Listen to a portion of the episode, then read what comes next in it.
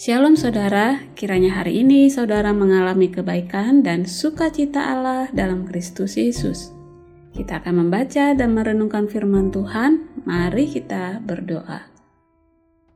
Ya Tuhan, kami bersyukur atas karunia yang Kau berikan kepada kami, sehingga kami dapat percaya kepadamu. Terima kasih atas orang-orang yang telah Kau pakai untuk membimbing kami dalam takut akan Engkau. Tuhan, kiranya beranugerahlah juga kepada kami untuk bisa menjadi berkat bagi orang lain. Dalam Yesus Kristus kami berdoa. Amin. Firman Tuhan hari ini dari 2 Timotius 2 ayat 1 dan 2. Sebab itu, hai anakku, jadilah kuat oleh kasih karunia dalam Kristus Yesus apa yang telah engkau dengar daripadaku di depan banyak saksi, percayakanlah itu kepada orang-orang yang dapat dipercayai, yang juga cakap mengajar orang lain. Mengembangkan generasi penerus. Temukan orang-orang terbaik yang Anda bisa, lalu kembangkan menjadi pemimpin terbaik. Begitu Maxwell menulis dalam bukunya yang berjudul Mengembangkan Pemimpin. Bagaimana melakukannya? Pasti sulit, apalagi kalau keadaan yang terjadi pada diri kita pun sedang sulit. Saat itu Rasul Paulus sedang sulit juga. Dia dihukum dan harus berada di penjara di bawah tanah yang gelap. Hanya dengan lubang di langit-langit agar ada cahaya dan udara masuk. Dia dirantai seperti penjahat. Dia sendirian, jenuh, dan kedinginan. Kematian tidak terhindarkan lagi. Menurut tradisi, dia dihukum mati dengan dipenggal di bawah penganiayaan Kaisar Nero. Surat 2 Timotius ini kemungkinan adalah surat perorangan yang ditulisnya. Timotius adalah seorang pemimpin yang Paulus telah temukan latih, dan kembangkan. Paulus mungkin berusia 60-an dan Timotius masih sangat muda, di awal 30-an. Ketika Paulus sadar bahwa dia menyerahkan Injil kepada generasi penerus, perhatian terbesarnya adalah bahwa Timotius harus menjaga Injil tersebut. Generasi tua harus dan mempersiapkan generasi penerus. Atau mungkin di antara kita punya alasan, saya tidak punya anak sebagai generasi penerus Injil. Tenang saudara, masalah ini pun masih dapat kita atasi. Mengapa? Karena sesungguhnya kita semua bisa memiliki anak-anak rohani. Paulus mungkin tidak memiliki anak asli, tetapi dia memiliki anak-anak rohani. Dia menggambarkan Timotius sebagai anak yang kekasih di ayat 2. Paulus telah menuntun Timotius beriman kepada Tuhan.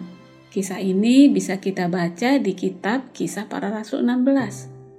Selama 15 tahun Timotius telah menemani Paulus dalam perjalanan misinya yang kedua dan ketiga. Dan sekarang Timotius ada pada posisi kepemimpinan di jemaat Efesus. Paulus mengajari, melatih, dan mendidik Timotius dan memberinya pengertian. Dia menetapkan model dan teladan bagaimana mengembangkan generasi pemimpin penerus.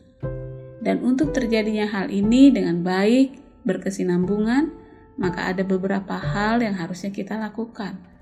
Pertama, mengasihi mereka seperti layaknya anak kita, bukan anak tiri mendoakan mereka seperti yang kerap dilakukan Paulus.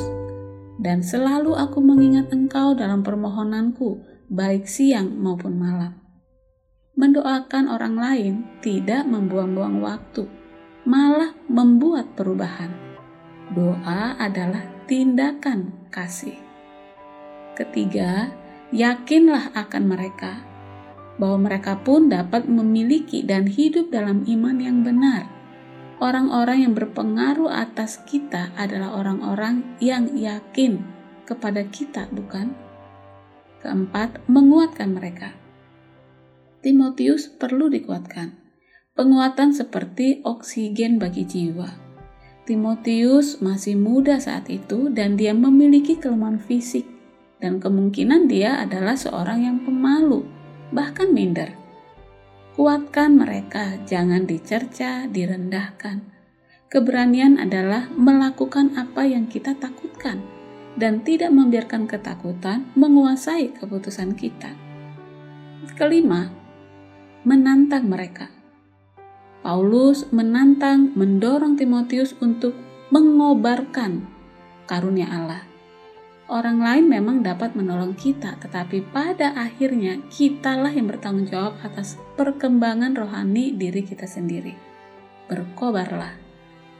Mempercayakan pada mereka. Paulus mendesak Timotius untuk tidak malu bersaksi tentang Tuhan. Dia memiliki Injil untuk diberitakan dan dipelihara. Paulus yakin bahwa dia telah memilih orang yang tepat untuk meneruskan kepada generasi penerus.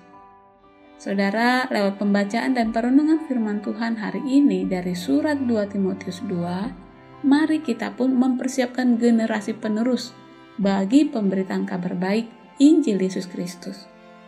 Mulailah temukan seseorang sang penerus itu.